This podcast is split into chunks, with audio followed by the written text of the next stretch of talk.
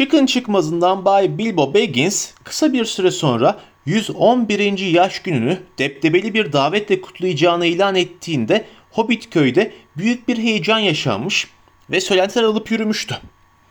Bilbo hem çok zengin hem de acayip biriydi. Ayrıca tuhaf bir biçimde ortadan yok olup beklenmedik bir şekilde geri dönüşünden beri yani 60 yıldır şairin merak konusuydu. Yolculuklarından alıp getirdiği servet yöresel bir efsane halini almıştı bile.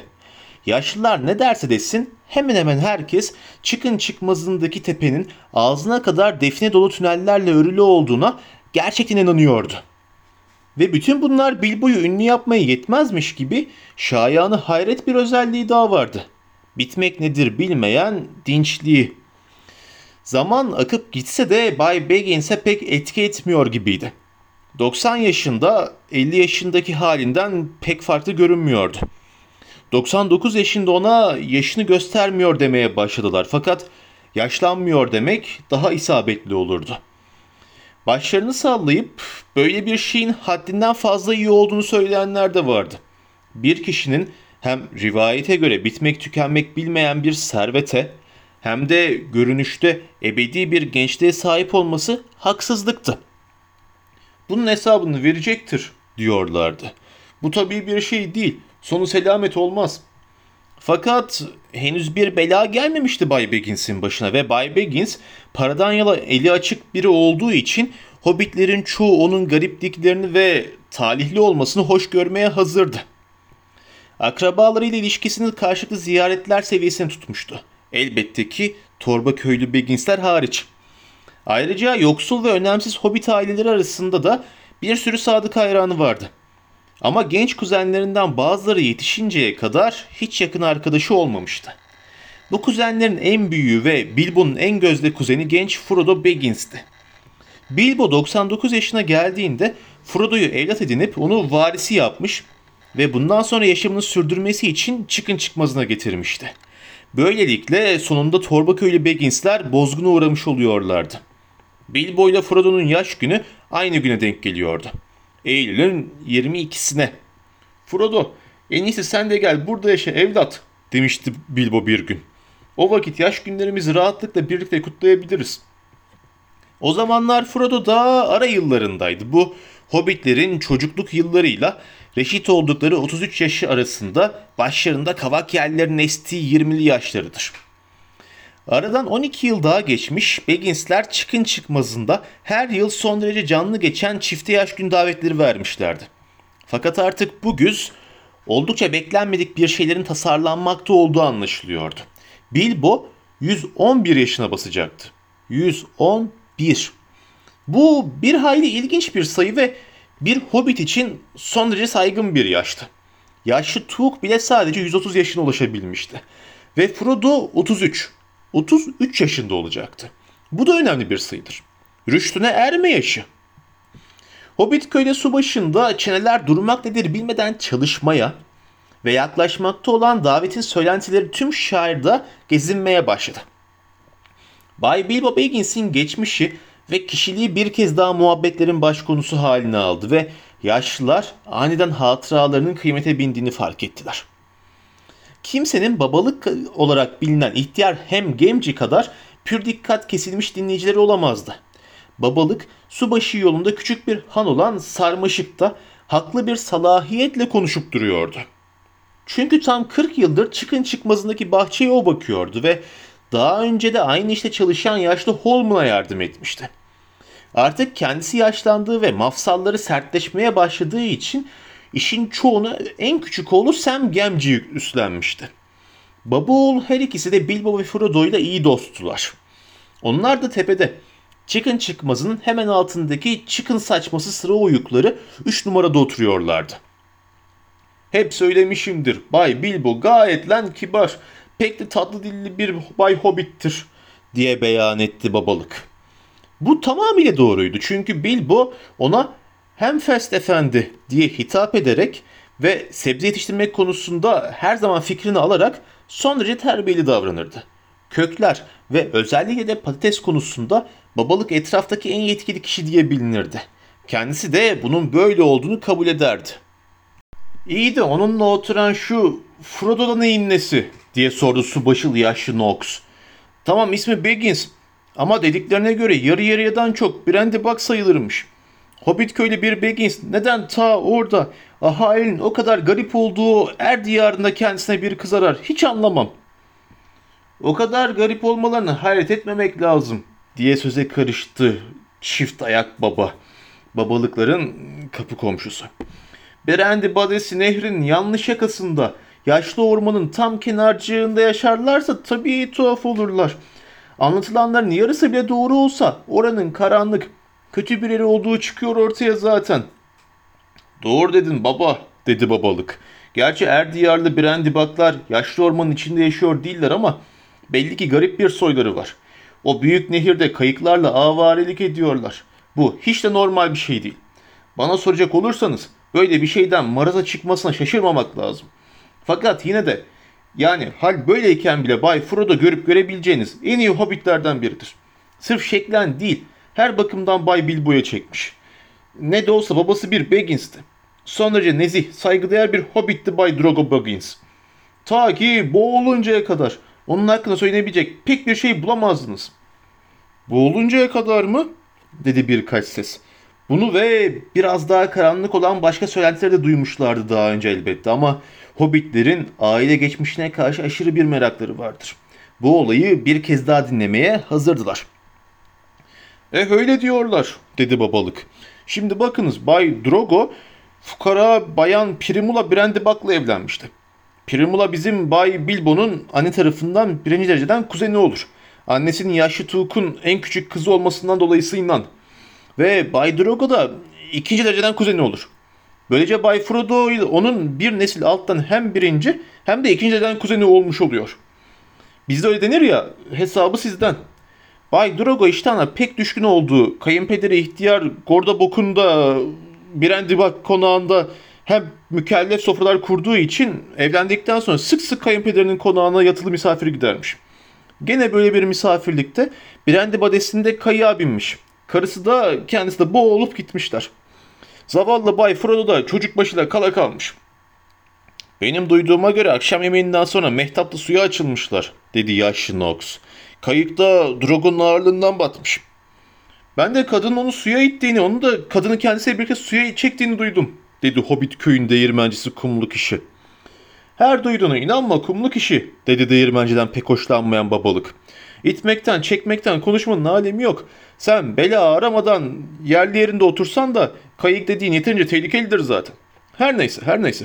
Sonunda bizim Bay Frodo hem öksüz hem de bütün o garip er diyarlar arasında mahsur kala kalıp her nasılsa Brandibak konağında büyümüş. Dediklerine göre konak da handan betermiş hani. Yaşlı efendi Gorbadok'un orada hep birkaç yüzden fazla akrabası olurmuş. Bay Bilbo delikanlıyı doğru dürüst bir halk arasına getirip gelivermekle yaptığı iyilik kadar büyüğünü yapmamıştır şimdiye kadar. Hem böylece o torba köylü Bagginsler de günlerini görmüş oldular. Vaktiyle Bay Bilbo buradan gidip öldü diye duyulduğunda bunlar çıkın çıkmazı kendilerine kaldı diye heveslenmişlerdi. Sonra bizimki çıka geliyor ve onları kovuyor. Üstelik yaşıyor babam yaşıyor şu işe bakın bir gıdım bile yaşlanmış görünmüyor. Sonra birdenbire bir de varis çıkartıyor ortaya. Bütün kağıtları da yoluyla yordamıyla hazırlatıyor. Artık Torbaköy ile Bagginsler çıkın çıkmasını rüyalarında bile göremezler hayırlısıyla. Oraya epey bir miktar para istiflenmiş diye duymuşluğum var, dedi Batı Dirhem'deki ulu kazından bir iş için gelmiş olan bir yabancı. Duyduğuma göre sizin şu tepenin üst kısmı tünellerle delik deşikmiş. Hepsine de ağzına kadar altın, gümüş ve zıynatla dolu sandıklar istiflenmiş. O halde sen benim diyeceğimden fazlasını duymuşsun diye cevap verdi babalık. Ben zıynat falan bilmem. Bay Bilbo'nun eli boldur. Göründüğü kadar paradan yana bir eksiği de yok. Ama tünel kazıldığını duymadım. Bay Bilbo'yu geri döndüğü zaman görmüştüm. Bu 60 yıl öncesinin benim delikanlı olduğum zamanların hikayesidir. Yaşlı Holman'ın yanına çırak olarak gireli pek olmadıydı. Babamın kuzeni olması dolayısıyla çırak gittiydim. O da satış zamanı. El alem bahçeden geçip orayı burayı çiğnemesin. Etrafa bakarak olayım da ona yardım edeyim diye beni çıkın çıkmazına getirdiydi. Birdenbire ne göreyim? Bütün o kargaşın tam ortasında Bay Bilbo bir midilli, dev gibi birkaç bohça, birkaç da sandıkla tepeden yukarı çıka gelmesin mi? Yükünün kısmı külliyesi dağları bile altındandır dedikleri o yabancı yerlerden toplanmış definelerle doluydu mutlak. Ama öyle tüneller dolduracak kadar bir şey yoktu. Gerçi benim Sam bu konuları daha iyi bilir. Habire çıkın çıkmazına girip çıkıyor. Bayılıyor eski zamanların hikayelerine. Bay Bilbo'nun da bütün hikayelerini dinliyor. Bay Bilbo ona harfleri de gösterdi. Kötü bir niyete değil ama yanlış anlamayın. Umarım sonunda kötü gelmez. Elflerle ejderhalar mı diyorum ona. Lahanalarla patatesler seninle bana daha çok yaraşır. Gidip burnunu senden daha büyüklerin içine sokma. Yoksa boyundan çok büyük bir belaya bulaşırsın diyorum. Başkaları da bu sözümden kendini hisse çıkarsa fena olmaz diye ekledi. Yabancıyla değirmenciye bir bakış atarak.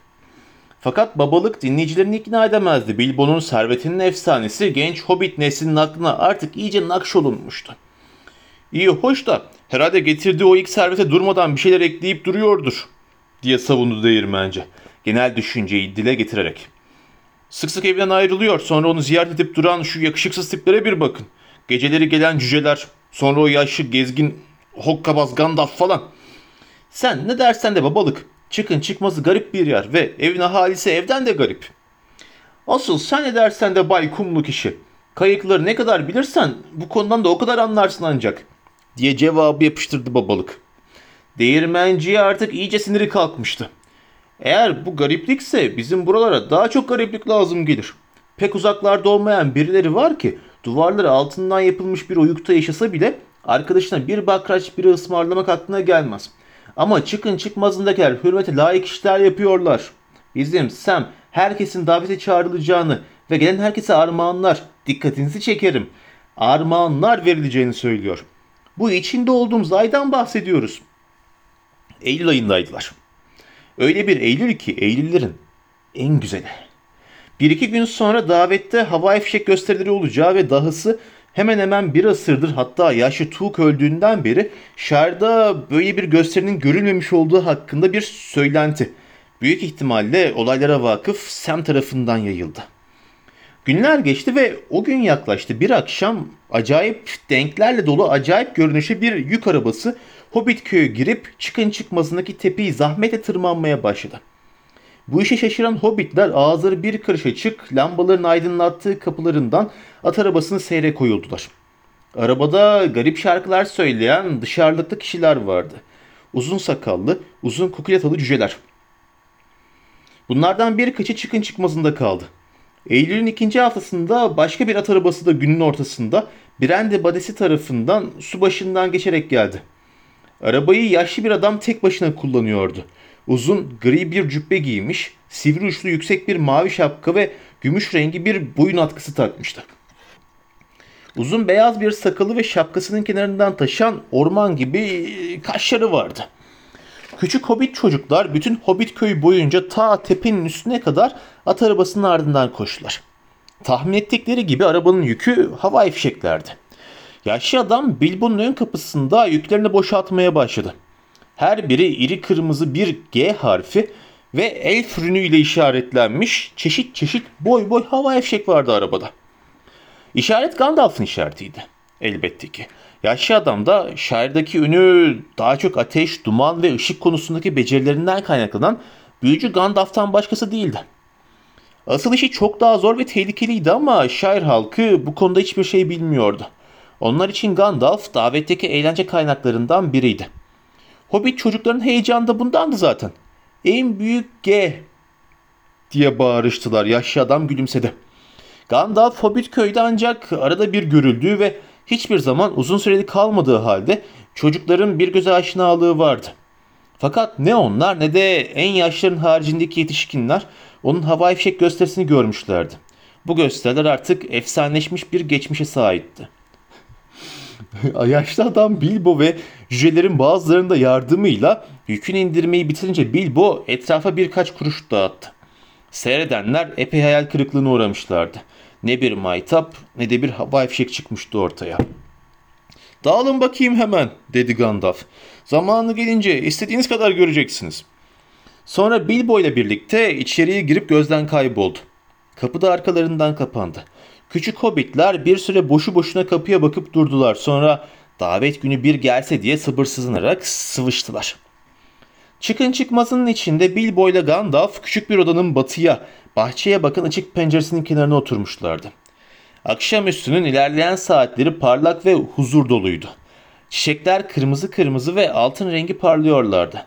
Aslan ağızları, güne bakanlar, toprak duvarların üzerine yayılmış, yuvarlak pencerelerden içeri burunlarını uzatan latin çiçekleri. Bahçen ne kadar parlak görünüyor, dedi Gandalf. Öyle, dedi Bilbo. Gerçekten de bahçeme çok düşkünümdür. Bahçeme ve aziz emektar şairin tümüne. Yine de bir tatile ihtiyacım olduğunu düşünüyorum. Tasarılarında kararlı mısın yani? Kararlıyım. Kararımı aylar önce verdim ve hiç değiştirmedim. Çok iyi. Başka bir şey söylemeye hacet yok. Tasarladığın şeylere, tasarladığın her şey tamam ama hatırlatmak gibi olmasın. Sadık kal. Her şeyin hem senin hem de hepimiz için en iyi olmasını dilerim. Umarım ama ne olursa olsun perşembe günü iyi vakit geçirmeyi planlıyorum. Eğlenip küçük şakamı yapmayı. Acaba gülen kim olacak? dedi Gandalf başını sallayarak. Göreceğiz dedi Bilbo. Ertesi gün başka arabalarla tırmandı tepeyi. Ardından başka arabalar. Yerli esnaf bu işi homurdanmaya başlayabilirdi ama hemen o hafta Hobbit köy subaşı ve civardan tedarik edilebilecek her türlü erzak, eşya ve lüks şeyler için çıkın çıkmazından siparişler sel gibi akmaya başladı. Herkesin hevesi arttı. Takvimdeki günleri işaretlemeye, sabırsızlıkla postacıyı gözleyip davetiye beklemeye koyuldular. Çok geçmeden davetiyeler de yağmaya başladı. Ve Hobbit köyü postanesi kilitlendi. Subaşı postanesi boğuldu. Gönüllü yardımcı postacılar işe çağrıldı. Tepe yukarı teşekkür ederim mutlaka geleceğim mesajının birbirinden kibar yüzlerce çeşitlemesini taşıyan durmayan bir postacı akışı oluştu. Çıkın çıkmazının bahçe kapısına bir ilan asıldı. Davetle ilgisi olmayanlar giremez. Aslında davetle ilgisi olan ya da ilgisi varmış gibi yapanlar bile içeri nadiren alınıyordu. Bilbo çok meşguldü. Davetiyeler yazıyor, cevapları işaretliyor, armağanları paketliyor ve kendi kendine gizli bazı hazırlıklar yapıyordu. Gandalf'ın oraya gelişinden beri gözlerden uzak durmaya başlamıştı. Hobbitler bir sabah uyandıklarında Bilbo'nun ön kapısının güneyindeki büyük çayırın çadırlar için kullanılan ipler ve direklerle dolu olduğunu gördüler.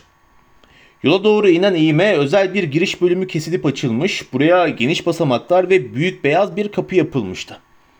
Çayırın yanında bulunan çıkın saçması sıra kovuklarındaki üç aile dört göz kesilmişti.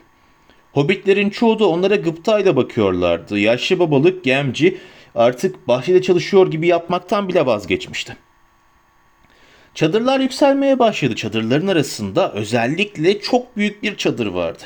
O kadar büyüktü ki çayırdaki ağaç olduğu gibi çadırın içinde kalıyor ve tüm azametiyle bir köşede şeref masasının başucunda yükseliyordu. Bütün dallarına fenerler asılmıştı. Bir şey daha vardı ki bu ağaçtan cazipti. Hobbitler için tabii. Çayırın kuzey köşesine kurulmuş muazzam bir açık hava mutfağı. Çıkın çıkmazına yerleşen cücelere ve tüm o diğer tuhaf ahaliye ek olarak bir de civardaki bütün han ve aşevlerinden akın akın aşçılar gelmişti. Heyecan doruk noktasına vardı. Sonra hava bulutlanıverdi. Bu çarşamba günü olmuştu partinin arifesinde. Endişe korkunç bir boyuttaydı derken Perşembe günü Eylül'ün 22'si nihayet geldi çattı. Güneş yükseldi. Bulutlar yok oldu. Bayraklar çözüldü ve eğlence başladı. Bilbo Baggins buna bir davet demişti ama aslında birbirine harmanlanmış bir eğlenti çeşitlenmesiydi bu. Yakın civarda yaşayan hemen hemen herkes çağrılmıştı. Kazara birkaç kişi gözden kaçmıştı ama her halükarda onlar da geldiğinden bu pek bir şey değiştirmiyordu. Şairin başka yerlerinden de birçok kişi çağrılmıştı. Hatta sınırların dışından bile birkaç kişi vardı. Bilbo davetlileri ve fazlalıkları bizzat kendisi yeni beyaz kapıda karşıladı. Girene çıkana bu ikinciler arkadan çıkıp dolaşıp kapıdan tekrar girenler oluyorlardı. Hediyeler dağıttı. Hobbitler kendi yaş günlerinde başkalarına hediye verirler. Adetlerine göre pek pahalı hele hele bu durumda olduğu gibi de bol keseden hediyeler değildir verdikleri. Ama fena bir sistem değildir bu. Normalde Hobbit köy ve su başında her gün birilerinin yaş günüdür. Öyle ki bu yörelerdeki her hobbit en az haftada bir, en azından bir hediye alma şansına sahiptir. Yine de hediyelerden usanmazlar. Bu seferse hediyeler olağanüstü güzellikteydi. Hobbit çocuklar o kadar heyecanlandılar ki bir süre için az kalsın yemek yemeyi bile unutuyorlardı. Benzerini ömürleri boyunca görmemiş oldukları oyuncaklar vardı. Hepsi çok güzel ve bazıları besbelli sihirli oyuncaklar. Hakikaten de oyuncakların birçoğu bir yıl önceden ısmarlanmış ve ta dağ ile vadiden gelmiş ve gerçek cüce işiydi. Bütün konuklar tek tek karşılanıp sonunda herkes kapıdan girince şarkılara, danslara, müziğe, oyunlara ve elbette ki yiyecek içecekle içeceklere geçildi. Üç ayrı resmi yemek vardı. Öğlen yemeği, beş çayı ve akşam yemeği. Fakat öğlen yemeği ile beş çayını diğer zamanlardan ayıran tek özellik bu zamanlarda bütün konukların oturup birlikte yemek yemeleriydi. Diğer zamanlardaysa 11'ler öğününden havai fişek gösterilerinin başladığı 6.30'a kadar mütemadiyen sadece yiyip içen bir sürü kişi vardı. Havai fişekler Gandalf'a aitti. Onları sadece getirmekle kalmamış bizzat kendisi tasarlayıp yapmıştı. Ayrıca özel efektleri, kurgulu fişekleri ve roket fiyolarını da kendisi ateşliyordu. Fakat bunların yanı sıra bir sürü fişek, bonbon fişeği, kaynana zırıltıları, maytaplar, meşaleler, cüce mumları, elf fıskiyeleri, gul yabani humurtuları ve gök gümbürtüleri de cömertçe dağıtılmıştı etrafa. Hepsi de muhteşemdi. Gandalf'ın sanatı yaşıyla birlikte ilerlemişti doğrusu. Kıvılcım saçan kuşların tatlı tatlı şakıyışlarını andıran roketler vardı. Kara duman gövdeli yeşil ağaçlar vardı. Dalları bütün bir baharın bir anda fışkırışı gibi açıyor ve parlayan dallar hayretler içindeki hobbitlerin üzerine ışık saçan ve yukarı doğru çevrilmiş yüzlere değmeden hemen önce tatlı kokular salarak yok oluveren çiçekler dökülüyordu. Pırıldayarak ağaçların içine doğru uçan kelebek fıskileri vardı. Yükselip kartal veya yelken açmış gemi veya uçan bir kuğu sürüsü biçimi alan rengarenk alev sütunları vardı. Kırmızı bir fırtına ve bardaktan boşunacasına yağan sarı bir yağmur vardı. Meydan muharebesinde savaşan bir ordunun haykırışı gibi bir haykırışla aniden havaya fırlayan ve tekrar yüzlerce kızgın yılan gibi tıslayarak su içine düşen bir gümüş mızrak ormanı vardı. Ve Bilbo'nun şerefine son bir sürpriz daha vardı. Aynen Gandalf'ın umduğu gibi hobbitleri aşırı derecede şaşırtan bir sürpriz. Işıklar söndü. Büyük bir duman kütlesi yükseldi. Bu kütle uzaktan görülen bir dağ biçimini aldı ve zirvesi parlamaya başladı. Yeşil ve al alevler fışkırıyordu. İçinden bir ejderha uçuverdi. Gerçek boyutta değildi ama korkunç derecede gerçeğe benzeyen bir ejderha. Ağzından alevler yükseliyor, gözlerinde şimşekler çakıyordu bir kükreme duyuldu ve ejderha tam üç kez şimşek gibi kalabalığın üzerinden geçti. Herkes başını eğdi. Herkes. Birçoğu da yüzü koyun yere kapandı. Ejderha ekspres bir tren gibi gelip geçti. Bir takla attı ve kulakları sağır eden bir patlamayla subaşı üzerinde infilak etti. Bu akşam yemeği için bir işaret dedi Bilbo. O sancıyla korkulu hava aniden yok oldu. Ve yüzü koyun yatmakta olan hobbitler ayağa fırladılar herkese yetecek mükellef bir sofra vardı. Yani özel aile yemeğine çağrılmamış herkese. Bu özel davet içinde ağaç bulunan o büyük çadırda veriliyordu. Davetli sayısı 12 düzineyle sınırlandırılmıştı. Hobbitler tarafından bir grossa denen bir sayıydı bu. Gerçi bu sayının kişi saymada kullanılması pek münasip sayılmazdı. Davetliler Gandalf gibi akraba almayan birkaç özel dosta ilaveten Bilbo ve Frodo ile akrabalı olan aileler arasından seçilmişti. Konukların arasında ebeveynlerin izniyle orada bulunan birçok genç hobbit de vardı. Çünkü hobbitler geç yatma konusunda çocuklarına müsamahalı davranırlar. Özellikle de ucunda bedava bir yemek imkanı varsa. Genç hobbitleri büyütmek için gerçekten de bol yemek gereklidir. Baggins'ler de Boffin'ler bir sürü de Tuk'la Brandybuck, birkaç Grab, Bilbo Baggins'in büyük annesi tarafından akrabaları, birkaç çap Tuk büyük babasının akrabaları. Ve barınaklardan, toluklardan, bel kuşaklardan, porsuk evlerden, iyi kişilerden, boynuz üfleyenlerden ve ayağı kibirlilerden özenle seçilip davet edilmiş bir grup vardı. Bunların bazıları Bilbo'nun sadece uzak akrabalarıydı ve bazıları şairin uzak köşelerinde oturuyor olduklarından Hobbit köyü daha önce hemen hemen hiç gelmemişlerdi. Torba köylü Baggins'ler de unutulmamıştı. Otto ile karısı Lobelia da davetteydi. Bilbo'dan hoşlanmaz, Frodo'yu hiç sevmezlerdi ama davetiye hem yaldızlı kalemle yazılmıştı hem de o kadar şaşalıydı ki bu davetiyenin geri çevrilmeyeceğini düşünmüşlerdi.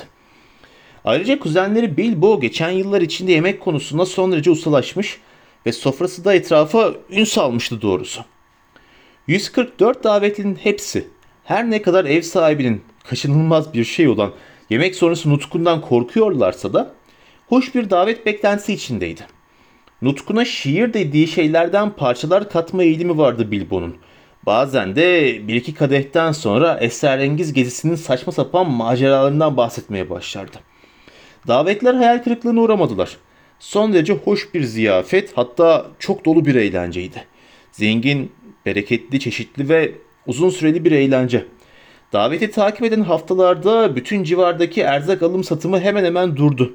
Fakat etraftaki dükkanların, kilerlerin ve depoların çoğunun stoğunu Bilbo'nun yemek servisi tüketmiş olduğu için buna önem veren olmadı. Ziyafetten sonra ya da hemen hemen ziyafetten sonra nutuk başladı. Mamafi misafirlerin çoğu artık o latif aşamadaydı. Yani köşeleri doldurma adını taktıkları hoşgörülü bir havaya girmişlerdi. En sevdikleri içkilerini yudumluyor, en sevdikleri yemeklerden çöpleniyorlardı. Korkularını unutmuşlardı. Her şeyi dinlemeye ve her nokta işaretini tezahürat etmeye hazırdılar. Sevgili millet diye başladı Bilbo bulunduğu yerde ayağa kalkarak. Konuş, konuş, konuş diye bağırdı herkes ve bunu koru haline tekrarlamaya devam etti. Belli ki kendi sözlerine kendileri kulak asmıyordu. Bilbo yerini terk etti. Gidip ışıklandırılmış ağacın altındaki bir sandalyenin üzerine çıktı. Lambaların ışığı Bilbo'nun gülümseyen yüzüne düşüyordu. İşlemeli ipek yeleğindeki altın düğmeler parlamaktaydı. Bir eli havada, diğerini pantolonun cebine sokmuş, ayakta, herkesin görebileceği bir yerdeydi. Aziz Begginsler ve Boffinler diye yeniden başladı. Ve aziz Tuğuklar, Brandibaklar, Graplar, Çaplar, barınaklar, boynuz üfleyenler, toluklar, bel kuşaklar, iyi kişiler, porsuk evler ve ayağı kibirliler. Ayağı kibirliler diye bağırdı yaşça bir hobbit çadırın arkasından. Adı elbette ki ayağı kibirliydi ve tam adının hobbitiydi. Ayakları hem büyük hem de fevkalade tüylüydü ve her ikisi birden masanın üzerine duruyordu. Ayağı kibirliler diye tekrarladı Bilbo. Aynı zamanda nihayet çıkın çıkmazına tekrar hoş geldiniz diye bildiğim için iyi yürekli torba köylü Beggins'lerim. Bugün benim 111. doğum günüm. Bugün 111 yaşındayım. Yaşasın, yaşasın daha nice yıllara diye bağırıp masaları neşe içinde yumrukladılar. Bilbo harika gidiyordu doğrusu. Bu tam onların hoşuna giden cinsten bir şeydi. Açık seçik ve kısa. Umarım hepiniz en az benim kadar eğleniyorsunuzdur. Kulakları sağır eden bir tezahürat. Evet ve hayır aykırışları. Borazan, boru, flüt ve diğer müzik aletlerinin gürültüleri. Çadırda daha önce de belirtilmiş olduğu gibi bir sürü genç hobbit mevcuttu. Yüzlerce müzikli fişek dağıtılmıştı. Fişeklerin birçoğunun üzerinde vadi işareti vardı. Bu hobbitlerin çoğu için bir şey ifade etmiyordu ama hepsi bunların fevkalade oldukları konusunda hemfikirdi. Fişeklerde müzik aletleri saklıydı. Küçük ama mükemmel yapılmış, büyüleyici ezgilere sahip müzik aletleri. Hatta bir köşede genç tuğukların ve brandibakların bir kısmı zaten gerekli olan şeyleri açık seçik bir şekilde söylemiş olduğuna göre Bilbo amcanın sözünün bittiğini zannederek ani bir ilhamla bir orkestra kurmuş. Canlı bir dans ezgisine başlamışlardı. Efendi Everard Took'la Bayan Melilot Brandybak ellerinde zillerle bir masanın üzerine çıkarak coşku halkasını oynamaya koyuldular. Güzel ama ziyadesiyle de hareketli bir danstı bu. Fakat Bilbo sözünü tamamlamamıştı. Yakınındaki bir küçüğün elinden borusunu kaparak üç kere baykuş gibi öttürdü.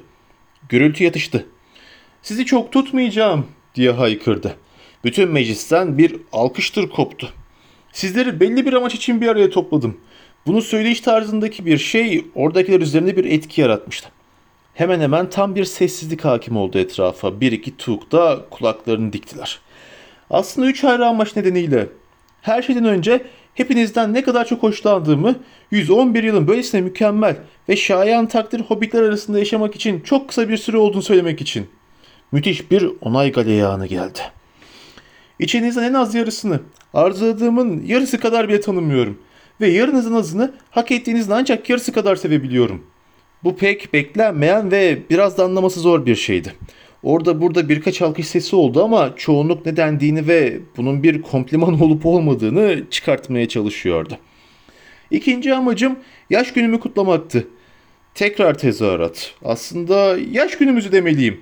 Çünkü elbette bugün varisim ve yeğenim Frodo'nun da yaş günü. Bugün rüştüne ve veraset hakkına yarışıyor. Yaşlılar tarafından birkaç ilgisiz alkış, gençler tarafından da Frodo, Frodo, bizim kerata Frodo haykırışları.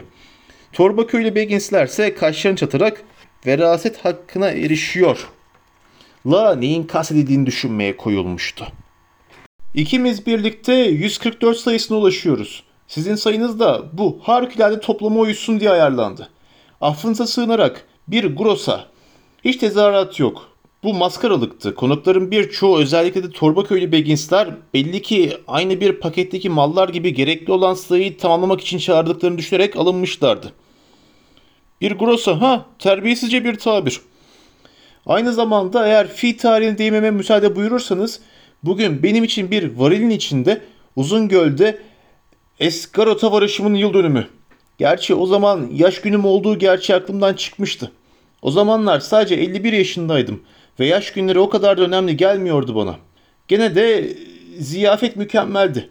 O zamanlar çok üşütmüş olduğum ve sadece tok teşekkür ederim diyebildiğim halde bunu hatırlıyorum. Şimdi bunu daha düzgün bir şekilde tekrarlayabilirim. Verdiğim bu küçük ziyafete geldiğiniz için çok teşekkür ederim. İnatçı bir sessizlik. Hepsi artık bir şarkı veya bir çeşit şiirin an meselesi olduğundan korkuyor ve sıkılıyorlardı. Neden konuşmayı bırakıp onun sağlığını içmelerine izin vermiyordu ki sanki? Fakat Bilbo ne şarkı söyledi ne de şiir okudu. Bir an için durdu. Üçüncüsü ve sonuncusu dedi bir şey ilan eder, edeceğim. İlan sözcüğünü o kadar yüksek sesle ve o kadar ani söylemişti ki ayakta durabilecek kadar ayık olan herkes yerine dikildi. Daha önce de söylemiş olduğum gibi 111 yıl sizden arasında geçirmek için kısa bir süre olduğu halde bunun son olduğunu bildirmekten müteessirim. Gidiyorum. Şimdi ayrılıyorum. Hoşçakalın.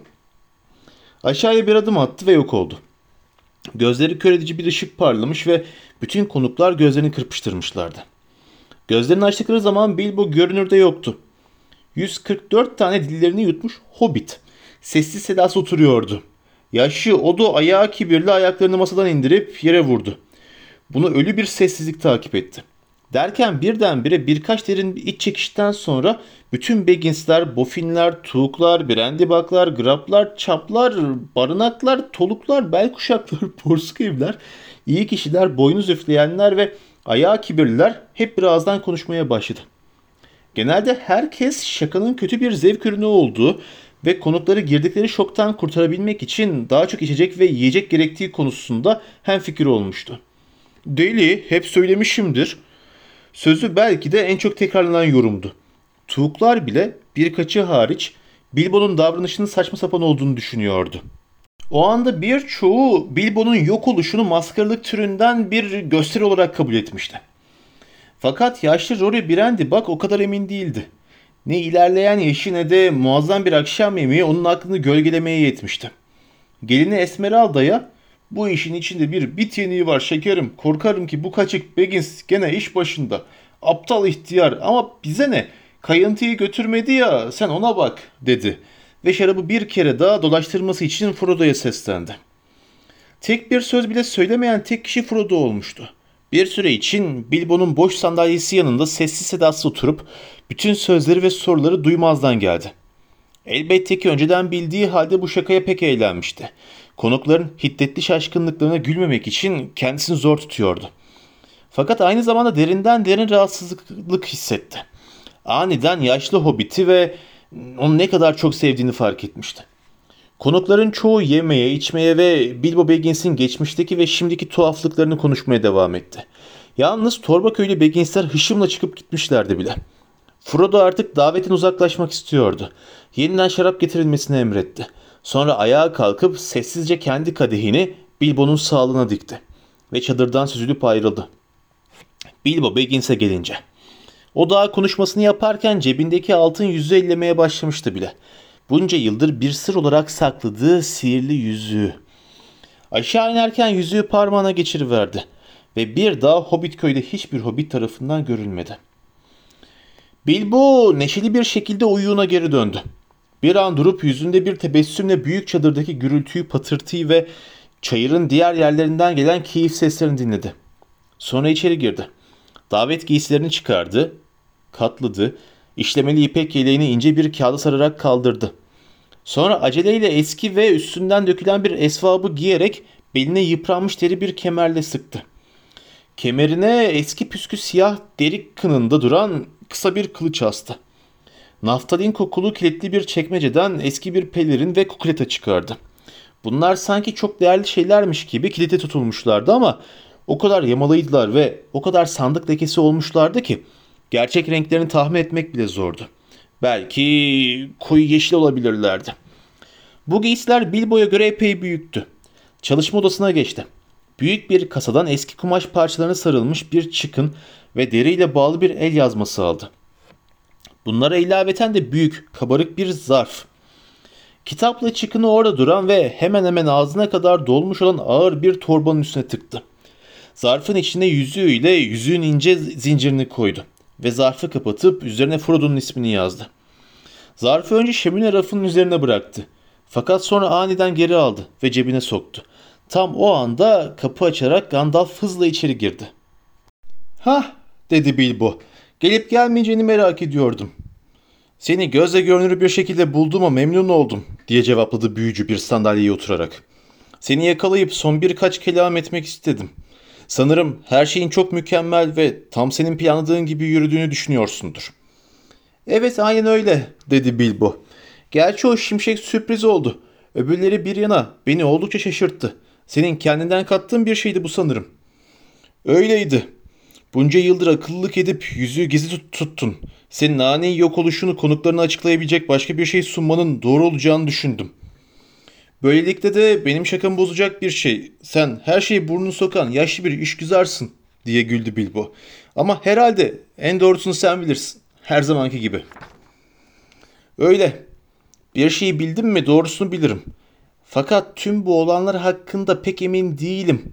Artık bitim noktasına vardı her şey. Sen şakanı yaptın ve tanıdıklarının çoğunu korkutup alınmalarına ve 9 gün hatta muhtemelen 99 gün boyunca tüm şehirde konuşacak bir konunun çıkmasına neden oldun.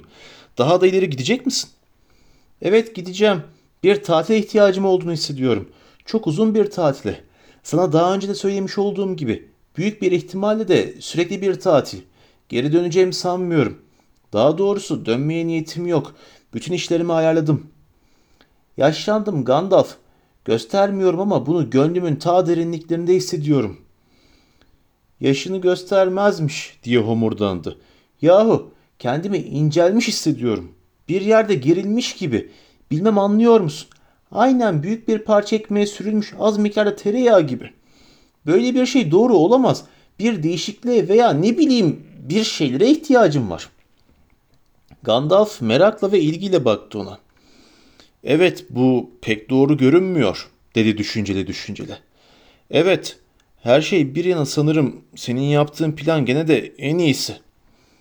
Eh zaten her halükarda ben kararımı verdim. Dağları tekrar görmek istiyorum Gandalf. Dağları. Sonra da huzura ereceğim bir yer bulmak. Huzur dolu bir sessiz yer. Akrabaların beni gözetlemedikleri, ortalığı birbirine katan ziyaretçilerin kapı ziline asılmadığı bir yer. Kitabımı bitirebileceğim bir yer bulabilirim. Kitabım için güzel bir son tasarladım. Ve ömrünün sonuna kadar mutluluk içinde yaşadı. Gandalf güldü. Umarım öyle olur. Fakat her nasıl biterse bitsin. Kimse o kitabı okumayacak. Yok efendim okuyabilirler. Önümüzdeki yıllarda. Frodo birazını okudu bile. Yazdığım yere kadar. Frodo'ya göz kulak olacaksın değil mi? Evet olacağım. Mümkün olduğunca. Tüm gözlerim ve kulaklarımla. Eğer istesem benimle gelirdi elbette ki. Hatta bir kere bunu teklif etti bile. Tam davetten önce. Ama bunu tam anlamıyla istemiyor henüz. Ölmeden önce bir kere daha o vahşi toprakları ve dağları görmek istiyorum. Ama o hala koruları, çayırları ve minik dereleriyle şaire aşık. Burada rahat edecektir. Her şeyi ona bırakıyorum elbette. Bir iki ufak tefek şey hariç. Umarım mutlu olmayı başarır. Tek başına olmaya alıştıktan sonra artık kendi kendisinin efendisi olma zamanı da gelmişti. Her şeyi mi? dedi Gandalf. Yüzüğü de mi? Bunu kabul etmiştin, hatırladın mı? Eee şey tabi galiba öyle diye kekeledi Bilbo. Nerede? Çok merak ediyorsan bir zarfın içinde dedi Bilbo sabırsızca. Orada şömine rafının üzerinde. Şey yok değil. Bu, burada cebimde. Tereddüt etti. Bak şimdi tuhaf değil mi? dedi yavaşça kendisine. Ama neden olmasın? Neden orada kalmasın? Gandalf tekrar baktı Bilbo'ya son derece sert bir biçimde. Gözlerinde bir ışıltı vardı. Ben olsaydım Bilbo dedi sakin sakin. Onu geride bırakırdım. Sen de bunu istemiyor musun? Şey e, evet ve hayır. Şimdi iş buraya varınca ondan ayrılmaktan hiç hoşlanmıyorum diyebilirim. Zaten neden ayrılmam gerektiğini de anlayamıyorum. Neden böyle yapmamı istiyorsun diye sordu. Sesine garip bir değişiklik gelmişti. Kuşku ve tedirginlikle keskinleşmiş bir sesti bu. Yüzüğüm konusunda beni sıkıştırıp duruyorsun. Halbuki yolculuğumda edindiğim diğer şeyler konusunda beni hiç rahatsız etmedin. Hayır ama seni bu konuda sıkıştırmam gerekiyordu, dedi Gandalf. Gerçeği öğrenmek istiyordum. Bu önemliydi. Sihirli yüzükler kısaca sihirlidir. Nadir ve ilgi uyandırıcıdır. Yüzüğünle mesleki açıdan ilgileniyordum diyebiliriz. Hala daha ilgileniyorum. Eğer yine ortalıkta dolaşmaya başlayacaksan onun nerede olduğunu bilmek isterim. Aynı zamanda senin o yüzüğe yeterince fazla zaman, uzun zamandır sahip olduğunu düşünüyorum. Eğer bütün bütün yanılmıyorsam artık ona ihtiyacın olmayacak Bilbo. Bilbo kıpkırmızı kesildi. Gözlerinde kızgın ışıklar belirdi. Şefkat yüklü, yüz, yüklü yüzü sertleşti. Nedenmiş diye haykırdı. Sonra sana ne bundan? Kendime ait şeylerle ne yapmışım, ne yapmamışım seni ne ilgilendiriyor? O bana ait. Onu ben buldum. Bana geldi o. Evet evet dedi Gandalf. Ama sinirlenecek bir şey yok bunda. Eğer sinirliysen bu senin suçun dedi Bilbo. Bak sana söylüyorum o benim bana ait. Benim kıymetlim o. Evet benim kıymetlim. Büyücünün yüzü ciddiyetini ve dikkatini korudu. Sadece derin gözlerdeki bir titreşim onu şaşırmış, hatta telaşlanmış olduğunu gösteriyordu. Daha önce de bu yüze bu isim verilmişti, dedi. Fakat senin tarafından değil. Ama şimdi ben söylüyorum bunu. Ve niye söylemeyecekmişim? Gollum da bunu bir kerecik böyle demiş diye. Artık yüzük onun değil benim ve de ben bu, bu yüzük bende kalacak diyorum. Gandalf ayağa kalktı sert bir edayla konuştu. Eğer bunu yaparsan aptallık edersin Bilbo dedi. Söylediğin her sözde bunu açık açık ortaya koyuyorsun zaten. Seni haddinden fazla etkisi altına aldı. Bırak onu. O zaman kendine serbest kalırsın. Özgür olursun. İstediğimi yaparım. Dilediğim yere giderim. Dedi Bilbo dik kafalılıkla. Bak şimdi. Bak şimdi benim aziz hobbitim. Dedi Gandalf. Bütün o uzun ömrün boyunca arkadaş olduk seninle. Ve senin bana bir borcun var. Hadi. Söz verdiğin gibi yap. Vazgeç ondan. Hala eğer yüzüğü kendin için istiyorsan çekinme söyle diye bağırdı Bilbo. Ama onu elde edemeyeceksin. Kıymetlimi kimselere vermem. Söyleyeyim sana. Eli küçük kılıcının kabzasına doğru seyirtti. Gandalf'ın gözlerine şimşekler çaktı. Çok yakında sinirlenme sırası bana gelecek dedi. Bir daha bunu söylersen sinirleneceğim. İşte o zaman gri Gandalf'ı cübbesiz görürsün. Hobbit'e doğru bir adım attı. Adeta büyüyor, tehlike arz ediyordu. Gölgesi küçük odayı doldurmuştu. Bilbo nefes nefese eliyle cebini sıkıca tutarak geri geri duvar dibine kadar çekildi. Bir an yüz yüze durdular. Odanın havası bile ürperir gibiydi. Gandalf gözlerini Hobbit'in üzerinden ayırmıyordu. Yavaş yavaş Bilbo'nun elleri gevşedi ve titremeye başladı. Sana neler oluyor anlamıyorum Gandalf dedi Bilbo. Hiç böyle olmamıştın. Nereden çıkıyor bütün bunlar? Yüzük benim öyle değil mi? Onu buldum ve eğer onu alıkoymasaydım Gollum beni öldürecekti. O ne derse desin ben hırsız değilim. Sana hiçbir zaman hırsızsın demedim ki diye cevap verdi Gandalf. Ayrıca ben de hırsız değilim. Seni soymaya değil, sana yardım etmeye çalışıyorum. Bana güvenmeni isterdim, eskiden olduğu gibi. Arkasını döndü, gölge geçti. Tekrar küçülüp yaşlı, kır bir adam oldu. İki büklüm ve kaygılı bir adam.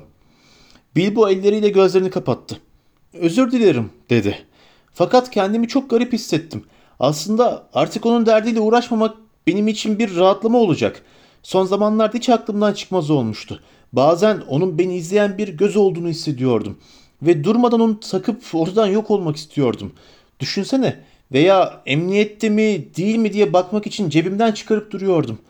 Kilidi tutmayı denedim ama cebimde olmadı mı rahat edemedim bir türlü. Nedenini bilmiyorum ve bir türlü karar veremiyorum. O halde benim kararıma güven dedi Gandalf. Ben kararımı verdim.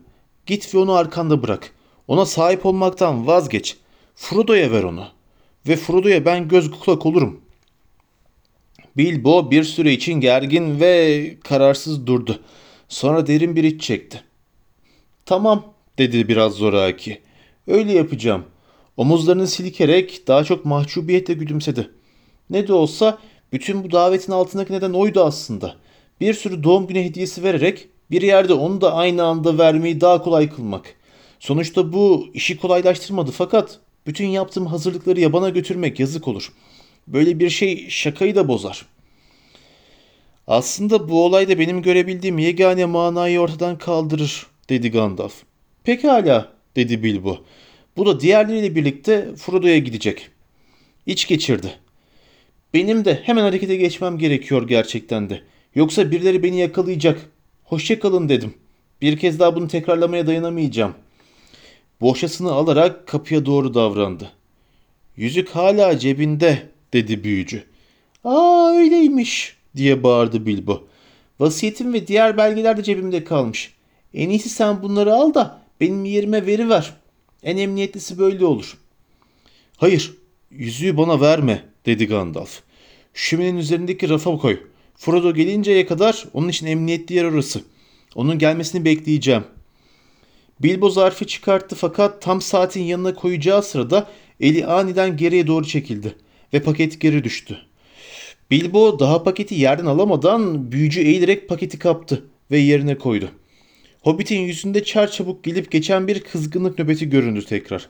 Sonra bu görüntü aniden yerini ferahlığa ve bir tebessüme bıraktı. İşte bu kadar dedi. Şimdi gitme zamanı. Birlikte öyle çıktılar. Bilbo bastonluktan en sevdiği bastonu seçti. Sonra bir ıslık çaldı. Üç cüce meşgul oldukları üç ayrı odadan çıkarak geldiler. Her şey hazır mı? diye sordu Bilbo. Her şey paketlenip etiketlendi mi? Hem de her şey diye cevap verdiler. Eh öyleyse harekete geçelim. Ön kapıdan dışarıya adımını attı Bilbo. Güzel bir geceydi. Kapkara gök yıldızlarla beneklenmişti. Havayı koklayarak yukarı baktı. Ne büyük bir zevk. Tekrar gitmek, tekrar cücelerle birlikte yollara düşmek ne büyük bir zevk. Senelerdir özlemini duyduğum şey işte buydu. Hoşça kalın dedi. Eski evine bakıp kapıya doğru eğilerek selam verirken. Hoşça kal Gandalf. Şimdilik hoşça git Bilbo. Kendine iyi bak. Yeterince yaşlısın. Hatta belki yeterince akıllısındır da. Sen kendine iyi bak. Ben artık hiçbir şey umursamıyorum. Beni hiç merak etme. Şu anda en az her zamanki kadar mutluyum. Bu da az bir şey sayılmaz. Fakat zamanı geldi. Sonunda benim de ayaklarım yerden kesildi." diye ekledi. Ve sonra alçak bir sesle sanki kendi kendine söylenirmiş gibi karanlığın içinde yavaş bir şarkı tutturdu. Yol iş bitmez uzar gider başladığı kapıdan. Az gittik uz gittik ama gücüm yettikçe yola devam. Bacaklarım yorulsa da yürürüm varana dek ana yola. Yollarla işler birleşir orada. Bilmem yolculuk sonra ne yana. Durdu bir an sessiz kaldı. Sonra başka bir söz söylemeden çayırlardaki ve çadırlardaki ışıklarla sesleri arkasını dönerek peşindeki üç yoldaşıyla uzun yolun aşağı doğru hızla yürüdü. Aşağıdaki çitin alçak yerinden atladı ve kırlara vurup tıpkı otlar arasındaki bir hışırtı gibi geceye karıştı. Gandalf bir süre daha onun arkasından bakarak durdu karanlıkta. Güle güle Bilbo, güle güle sevgili Bilbo. Bir dahaki karşılaşmamıza kadar dedi yavaşça ve tekrar içeri girdi. Az sonra içeri giren Frodo'nu karanlıkta derin düşüncelere dalmış bir halde buldu. Gitti mi? diye sordu. Evet diye cevap verdi Gandalf. Sonunda gitti. Keşke yani bu akşama kadar her şeyin sadece bir şaka olmasını ummuştum dedi Frodo. Ama içimden bir ses onun gerçekten gitmeye niyetli olduğunu söylüyordu. Ciddi konuları hep şakaya vururdu zaten. Keşke daha önce gelseydim de onu uğurlasaydım. Bence o gerçekten de sonunda sessizce sürüp gitmeyi tercih ediyordu, dedi Gandalf. Fazla aklın takılmasın. İyi olacaktır artık. Sana bir paket bıraktı. İşte orada. Frodo zarfı şömine rafının üzerinden aldı. Baktı ama açmadı. Zarfın içinde vasiyetnamesiyle diğer belgeleri bulacaksın sanırım, dedi büyücü. Artık çıkın çıkmazın efendisi sensin. Sonra zannedersem bir de altın yüzük bulacaksın. Yüzük? diye haykırdı Frodo. Onu bana mı bıraktı? Neden acaba? Yine de işime yarayabilir. Belki yarar, belki yaramaz, dedi Gandalf. Yerinde olsam onu kullanmaya kalkmazdım. Bunu bir sır olarak gizler saklardım. Artık yatıyorum. Çıkın çıkmazın efendisi olarak Frodo bütün konuklara güle güle demeyi kendisine sıkıcı bir görev bildi. Daha şimdiden garip olaylar hakkında söylentiler çayıra yayılmıştı bile. Ama Frodo sadece eminim yarın sabah her şey açığa kavuşacaktır diyordu. Gece yarısına doğru önemli konuklar için arabalar geldi. Tıka basa doymuş ama hiç mi hiç tatmin olmamış hobbitleri yüklenip teker teker gözden kayboldular. Daha önceden ayarlanmış olduğu gibi bahçıvanlar gelip istemeden geri kalmış olanları da el arabalarıyla götürdüler. Gece yavaş yavaş geçti ve güneş uyandı. Hobbitler de epeyce gecikerek onu takip ettiler. Sabah ilerledi. Görevliler gelip verilen emirlere göre çadırları, masaları, sandalyeleri, kaşıkları, bıçakları, şişeleri, tabakları, fenerleri, saksı çiçeklerini, ekmek kırıntılarını, maytap kağıtlarını, unutulmuş çantaları, eldivenleri, mendilleri, yenmemiş yemekleri bunlar çok az yer tutuyordu. Toplamaya başladılar. Daha sonra başkaları da geldi. Emir dışı. Bagginslerle Boffinler, Toluklar, Tuğuklar ve yakınlarda oturan ya da yakınlarda kalan diğer davetliler. Gün öğleni bulup davette en çok doymuş olanlar bile dışarı çıkacak kadar kendini topladığında çıkın çıkmazında büyük bir kalabalık oluşmuştu. Davetsiz ama beklenen bir kalabalık. Frodo yüzünde bir tebessümle ama oldukça yorgun ve endişeli bir halde basamakta beklemekteydi. Her ziyaretçiyi karşılıyordu ama daha önce söylemiş olduğundan başka söyleyebileceği bir şey yoktu. Bütün sorgu ve suale verdiği cevap sadece şuydu. Bay Bilbo Baggins buradan gitti. Benim bildiğim kadarıyla bütün bütün gitti. Misafirlerden bir kısmını Bilbo onlara bir mesaj bıraktığı için eve buyur ediyordu. İçeride holde çeşit çeşit paketlerden, çıkınlardan ve minik mobilya parçalarından oluşan büyükçe bir yığın vardı. Her parçanın üzerine bir etiket bağlanmıştı. Şu türden bir sürü etiket vardı. Bir şemsiye üzerinde Adeler Tuğka, zatı alilerine mahsus. Bilbo'dan yazıyordu. Adelard etiketlenmemiş bir epey şemsiye götürmüştü zamanında. Büyük bir çöp sepeti üzerinde Dora Baggins'e uzun bir mektuplaşmanın anısına Bilbo'dan sevgilerle yazıyordu. Dora Drago'nun kız kardeşiydi ve Bilbo'yla Frodo'nun yaşayan en yaşlı kadın akrabasıydı. 99 yaşındaydı ve yarım yüzyıldan daha fazla bir süredir nasihat üzerine nasihat yazıp dururdu. Altın bir dolma kalem ve mürekkep okkasının üzerinde Milo barınaklara işine yarayacağı umuduyla BB'den yazıyordu. Milo şimdiye kadar hiçbir mektuba cevap yazmamıştı. Yuvarlak dış bükey bir aynanın üzerinde Angelica'ya Bilbo amcadan yazıyordu. Angelica genç bir Baggins'ti ve kendi yüzünü güzel buldu da pek aşikardı. Boş bir kitaplığın üzerinde Hugo Bell kuşağı koleksiyonu için katkıda bulunan bir dosttan yazıyordu. Hugo bol bol kitap ödünç alan ama geri getirmeye pek yanaşmayan biriydi. Bir kutu gümüş kaş kaşığın üzerinde Lobelia Torbaköylü Baggins'e bir armağan olarak yazıyordu. Bilbo daha önceki yolculuğu sırasında Lobelia'nın evden epeyce kaşık yürütmüş olduğu kanısındaydı. Lobelia da bunu gayet iyi biliyordu. Gün ilerleyen vakitlerinde eve geldiğinde atılan taşı hemen fark etti. Ama kaşıkları da almadan gitmedi. Bu holdeki armağanlardan sadece küçük bir seçkiydi. Bilbo'nun meskeni uzun yaşamının seyrine ait eşyalarla oldukça tıkış tıkış bir hal almıştı. Hobbit oyuklarının ıtı, ıkış tıkış olma eğilimleri vardı zaten. Bu daha ziyade bu kadar çok yaş günü hediyesi verilmesinden kaynaklanıyordu. Gerçi elbette ki hediyeler her zaman yeni olmazdı. Yörede elden ele geçen ne işe yaradığı unutulmuş bir iki eski belek bile vardı. Fakat Bilbo genellikle yeni armağanlar vermiş ve kendisine verilmiş olanları da saklamıştı. Eski oyuk böylece biraz temizlenmiş oluyordu. Birbirinden değişik çeşit çeşit hediyenin her birinin üzerinde bizzat, Bil, bizzat Bilbo tarafından yazılmış bir etiket vardı ve bunların epeycesi bir ima veya bir espri içeriyordu. Ama elbette ki verilen şeylerin çoğu da gittikleri yerde pek makbule geçecek armağanlardan oluşmaktaydı. Varlıklı sayılmayacak hobbitler özellikle özellikle de çıkın çıkması sıra ovuklarında oturanlar için durum gayet iyiydi. Yaşlı babalık yemciye iki çuval patates, yeni bir bahçıvan beli, yünlü bir yelek ve gıcırdayan eklemleri için bir şişe şifalı yağ kalmıştı. Yaşlı Rory Brandy bakıysa misafirperverliğine mukabil bir düzine eski bağlar şişesi bekliyordu. Eski bağlar Güney Dirhem'de üretilen sert kırmızı şarabın adıdır. Bu şişeler de zamanında Bilbo'nun babası tarafından yatırılmış olduğundan artık iyice yıllanmıştı. Rory Bilbo'yu derhal affetti ve ilk şişeden sonra onun harika bir herif olduğunu ilan etti. Frodo'ya dünya kadar şey arta kalıyordu. Ve elbette ki kitaplar, resimler ve gereğinden fazla mobilyanın yanı sıra en önemli hazineler de ona kalmıştı. Ancak paradan veya mücevherlerden ne bir haber vardı ne de bir işaret. Kimseye ne bir metelik ne de bir cam boncuk ihsan edilmişti. Frodo akşamüstü zor saatler geçirdi.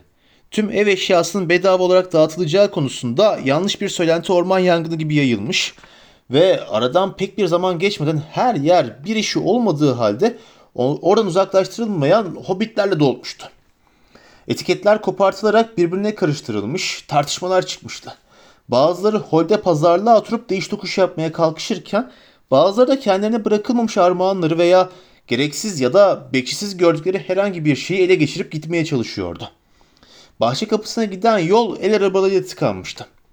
Tüm bu kargaşanın tam ortasında Torbaköy ile Baggins'ler çıka geldiler. Frodo bir süre için odasına çekilerek eşyalara göz kulak olması için arkadaşı Merry Brandybak'ı bırakmıştı. Otto yüksek sesle Frodo'yu görmek istediğini söyleyince Merry kibarca eğilerek selam verdi. Kendisi rahatsız dedi. Dinleniyor. Saklanıyor desene şuna dedi Lobelia. Her neyse biz onu görmek istiyoruz ve göreceğiz. Sen git ona böylece söyle. Mary onları uzun bir süre holde yalnız bıraktı. Onlar da bu arada ayrılık hediyeleri ne olan kaşıkları keşfetme olanağını buldular. Bu onların sinirini daha da ayaklandırdı. Nihayet çalışma odasına buyur edildiler. Frodo üstü kağıt dolu bir masanın başında oturuyordu. Rahatsız görünüyordu. En azından Torbaköylü Baggins'leri gördüğü için öyleydi. Ayağa kalkarken cebindeki bir şeyle oynamaktaydı. Yine de onları kibarlıkla karşıladı. Torbaköylü Baggins'ler gayet kibar, kabaydılar. İşe bazı kıymetli ve etiketsiz şeyler için arkadaş işi kötü fiyatlar vererek başladılar. Frodo sadece Bilbo'nun özellikle belirttiği şeylerin verilmekte olduğunu söyleyince de bu işte zaten bir terslik var deyiverdiler hemen. Ben onu bunu bilmem dedi Otto. Gördüğüm kadarıyla sen bu işten pek karlı çıkıyorsun. Vasiyetnameyi derhal görmek istiyorum. Frodo evet edinilmiş olmasa Bilbo'nun mirası Otto'ya kalacaktı. Vasiyetnameyi dikkatle okuduktan sonra homurdandı. Ne yazık ki vasiyetname son derece net ve diğer şartların yanı sıra kağıdın 7 şahit tarafından kırmızı mürekkeple imzalanmasını öngören Hobbit hukuk kurallarına göre tamamen geçerliydi. Yine mağlup olduk dedi karısına. Hem de 60 yıl bekledikten sonra kaşık ha boş versene. Parmaklarını Frodo'nun burnunun dibinde şıklatıp paldır küldür çıktı gitti. Fakat Lobelya'dan o kadar kolay kurtulunmuyordu. Kısa bir süre sonra Frodo işlerin ne alemde olduğunu görmek için çalışma odasından çıkınca Lobelya'yı hala ortada dolanır, dip bucak her yeri kurcalayıp zemini yoklar durumda buldu. Onu kibar ama gayet kesin bir şekilde kapının dışına çıkarırken her nasılsa Lobelya'nın şemsiyesinin içine düşmüş olan birkaç minik ama oldukça kıymetli nesneyi geri almayı da ihmal etmedi. Lobelya'nın yüzü Frodo'yu ezip geçecek bir son söz bulma telaşıyla oynayıp duruyordu. Ama basamaka dönüp söyleyebildiği tek şey şu oldu. Bunların hayrını göremeyeceksin delikanlı. Neden sen de gitmedin? Sen buraya ait değilsin. Baggins falan değilsin sen. Sen sen Brandy baksın. Duydun mu Mary? Bu bir hakaretti bana kalırsa dedi Frodo kapıyı kapa kadının yüzüne kapatırken. İltifattı dedi Mary Brandy bak. Ve bu yüzden de tabii ki yanlıştı. Sonra oyu şöyle bir dolaşarak üç genç hobiti, iki bofin ve bir toluk tam kilerden birinin duvarına delikler açmak üzereyken kapı dışarı ettiler. Frodo ayrıca içinde bir yankı duyar gibi olduğu büyük kilerde kazıya başlayan genç Sancho ayağı kibirli. Yaşlı o da ayağı kibirlinin torunu ya da güreşmek zorunda kaldı. Bilbo'nun altınların efsanesi hem merak hem umut konusuydu. Çünkü herkesin bildiği gibi efsanelerde geçen kim bilir nasıl kazanılmış hatta belki de çalınmış altınlar kim bulursa onun olur. Tabii eğer ararken yakalanmazsanız. Frodo Sancho'nun hakkından gelip onu da dışarı attıktan sonra holde bir sandalyeye çöktü. Dükkanı kapatma vakti Mary dedi. Kapıyı kilitle ve bugün başka kimseye açma. Hatta Şah Merdan getirseler bile açma. Sonra da kendine gelmek için geç de olsa bir çay içmeye gitti. Tam oturmuştu ki ön kapın hafif hafif çalındığını duydu. Yine Lobelya'dır mutlaka diye düşündü. Aklıma gerçekten de kötü bir şeyler gelmiş olmalı ki onu söylemek için geri döndü. Söyleyeceği neyse bekleyebilir. Çayını içmeye devam etti. Kapı çok daha gürültülü bir şekilde tekrar çalındı. Fakat yine umursamadı. Sonra birdenbire büyücünün kafası pencerede belirdi. Eğer beni içeri almazsan Frodo, kapıyı öyle bir patlatacağım ki kapı ta oyun öbür tarafından daha delip çıkacak. Sevgili Gandalf, bir saniye diye bağırdı Frodo. Odadan çıkıp kapıya doğru koşarken. Gir içeri gir, ben Lobelya zannetmiştim. O halde seni affediyorum. Fakat onu epey bir vakit önce taze sütü bile kesecek bir suratla su başına doğru midilli arabasını sürerken gördüm. Beni neredeyse kas katı kestiydi zaten. Gerçekten az kaldı Bilbo'nun yüzünü parmağıma geçiriverecektim. Ortadan yok olmayı o kadar çok arzu ettim. Sakın ha dedi Gandalf otururken. O yüzeye cidden dikkat et Frodo. Aslında biraz da bu konuda son bir söz söylemek için geldim. Peki neymiş? Bu konu neler biliyorsun? Sadece Bilbo'nun bana anlattıklarını, bütün hikayesini dinlemiştim. Onu nasıl bulduğunu, nasıl kullandığını, yolculuğu sırasında yani. Acaba hangi hikaye? dedi Gandalf. Ha, cüceleri anlatıp kitabına yazdığı hikaye değil, dedi Frodo. Ben burada yaşamaya geldikten kısa bir süre sonra bana gerçek hikayeyi anlattı. Senin gerçek hikayeyi anlatıncaya kadar onu sıkıştırmış olduğunu, o yüzden iyisin benim de bilmem gerektiğini söyledi. Aramızda gizli saklı yok Frodo ama anlattıklarım burada kalacak. Ne derlerse desinler bu yüzük benim dedi. Bu ilginç dedi Gandalf. Peki sen bütün bunlar hakkında ne düşündün? Eğer armağan meselesini uydurmasını falan kastediyorsan bence gerçekten hikaye çok daha mantıklı ve niye başka türlü anlattığını bile anlayamadım. Bilbo normalde böyle şeyler yapmaz aslında. Bu bana çok tuhaf gelmişti zaten. Bana da. Fakat öyle bir hazineye sahip olanlara bu tür tuhaflıklar olur hep. Eğer bu hazineyi kullanırlarsa. Bu da sana çok dikkatli olman konusunda bir uyarı olmuş olsun. Dilediğin zaman seni görünmez yapmaktan başka güçleri de olabilir yüzüğün. Anlamıyorum dedi Frodo. Ben de diye cevap verdi büyücü. Yüzükten daha yeni yeni şüphelenmeye başladım. Özellikle de dün geceden beri. Sen dert etme ama benim sözümü dinlersen onu çok nadiren kullan. Hatta hiç kullanma derim. En azından bir söylenti neden olacak veya merak uyandıracak bir şekilde kullanma. Ne olursun tekrar söylüyorum. Onu iyi muhafaza et ve bir sır olarak sakla. Çok esrarengizsin. Neden korkuyorsun? Tam olarak bilmiyorum. O yüzden daha fazla konuşmayacağım. Geri döndüğüm zaman belki bir şeyler söyleyebilirim. Hemen yola koyuluyorum. Yani şimdilik. Hoşça kal. Ayağa kalktı. Hemen mi? diye bağırdı Frodo. Ama ben en az bir hafta kalırsın sanıyordum. Bana yardım etmeni dört gözle bekliyordum. Niyetim öyleydi. Fakat kararımı değiştirmek zorunda kaldım. Uzunca bir süre uzaklarda kalabilirim. Fakat mümkün olan en kısa zamanda gelip seni göreceğim. Beni görmeden geldiğime inanma. Sessizce süzülüp gelirim. Artık şairi pek öyle alenen ziyaret edemem. Görüyorum ki biraz gözden düşmüşüm. Baş belası, huzur kaçıran bir adam olduğumu söylüyorlar. Bazıları beni Bilbo'yu kaçırmakla, hatta daha kötü şeylerle bile suçluyor. Merak ediyorsan söyleyeyim. Onun servetine konabilmek için seninle ikimizin bir entika çevirdiğimizi düşünüyorlar. Bazıları mı? dedi hiddetle Frodo. Oda ve Lobelya demek istiyorsun. Ne nefret verici bir şey. Bilbo'nun geri gelmesi ve yine benimle birlikte kırlarda yürüyüşe çıkması için onlara çıkın çıkmazıyla birlikte her şeyimi verirdim. Şairi seviyorum. Fakat her nasılsa onunla gitmiş olmayı diler oldum. Merak ediyorum. Bir daha onu hiç görebilecek miyim acaba? Ben de dedi Gandalf. Ve daha neleri merak ediyorum neleri. Şimdilik hoşça kal. Kendine iyi bak. Beni bekle. Özellikle ummadığın zamanlarda. Hoşça kal. Frodo onu kapıya kadar geçirdi. Elini son bir kez salladıktan sonra şaşılacak bir hızla yürüyüp gitti Gandalf. Fakat Frodo yaşlı büyücünün sanki ağır bir yük taşıyormuş gibi aşırı derecede iki büklüm olduğunu düşündü. Akşam eriyordu ve cübbeli şekil çabucak alacakaranlık içinde kayboldu. Frodo uzun bir süre için onu bir daha göremeyecekti.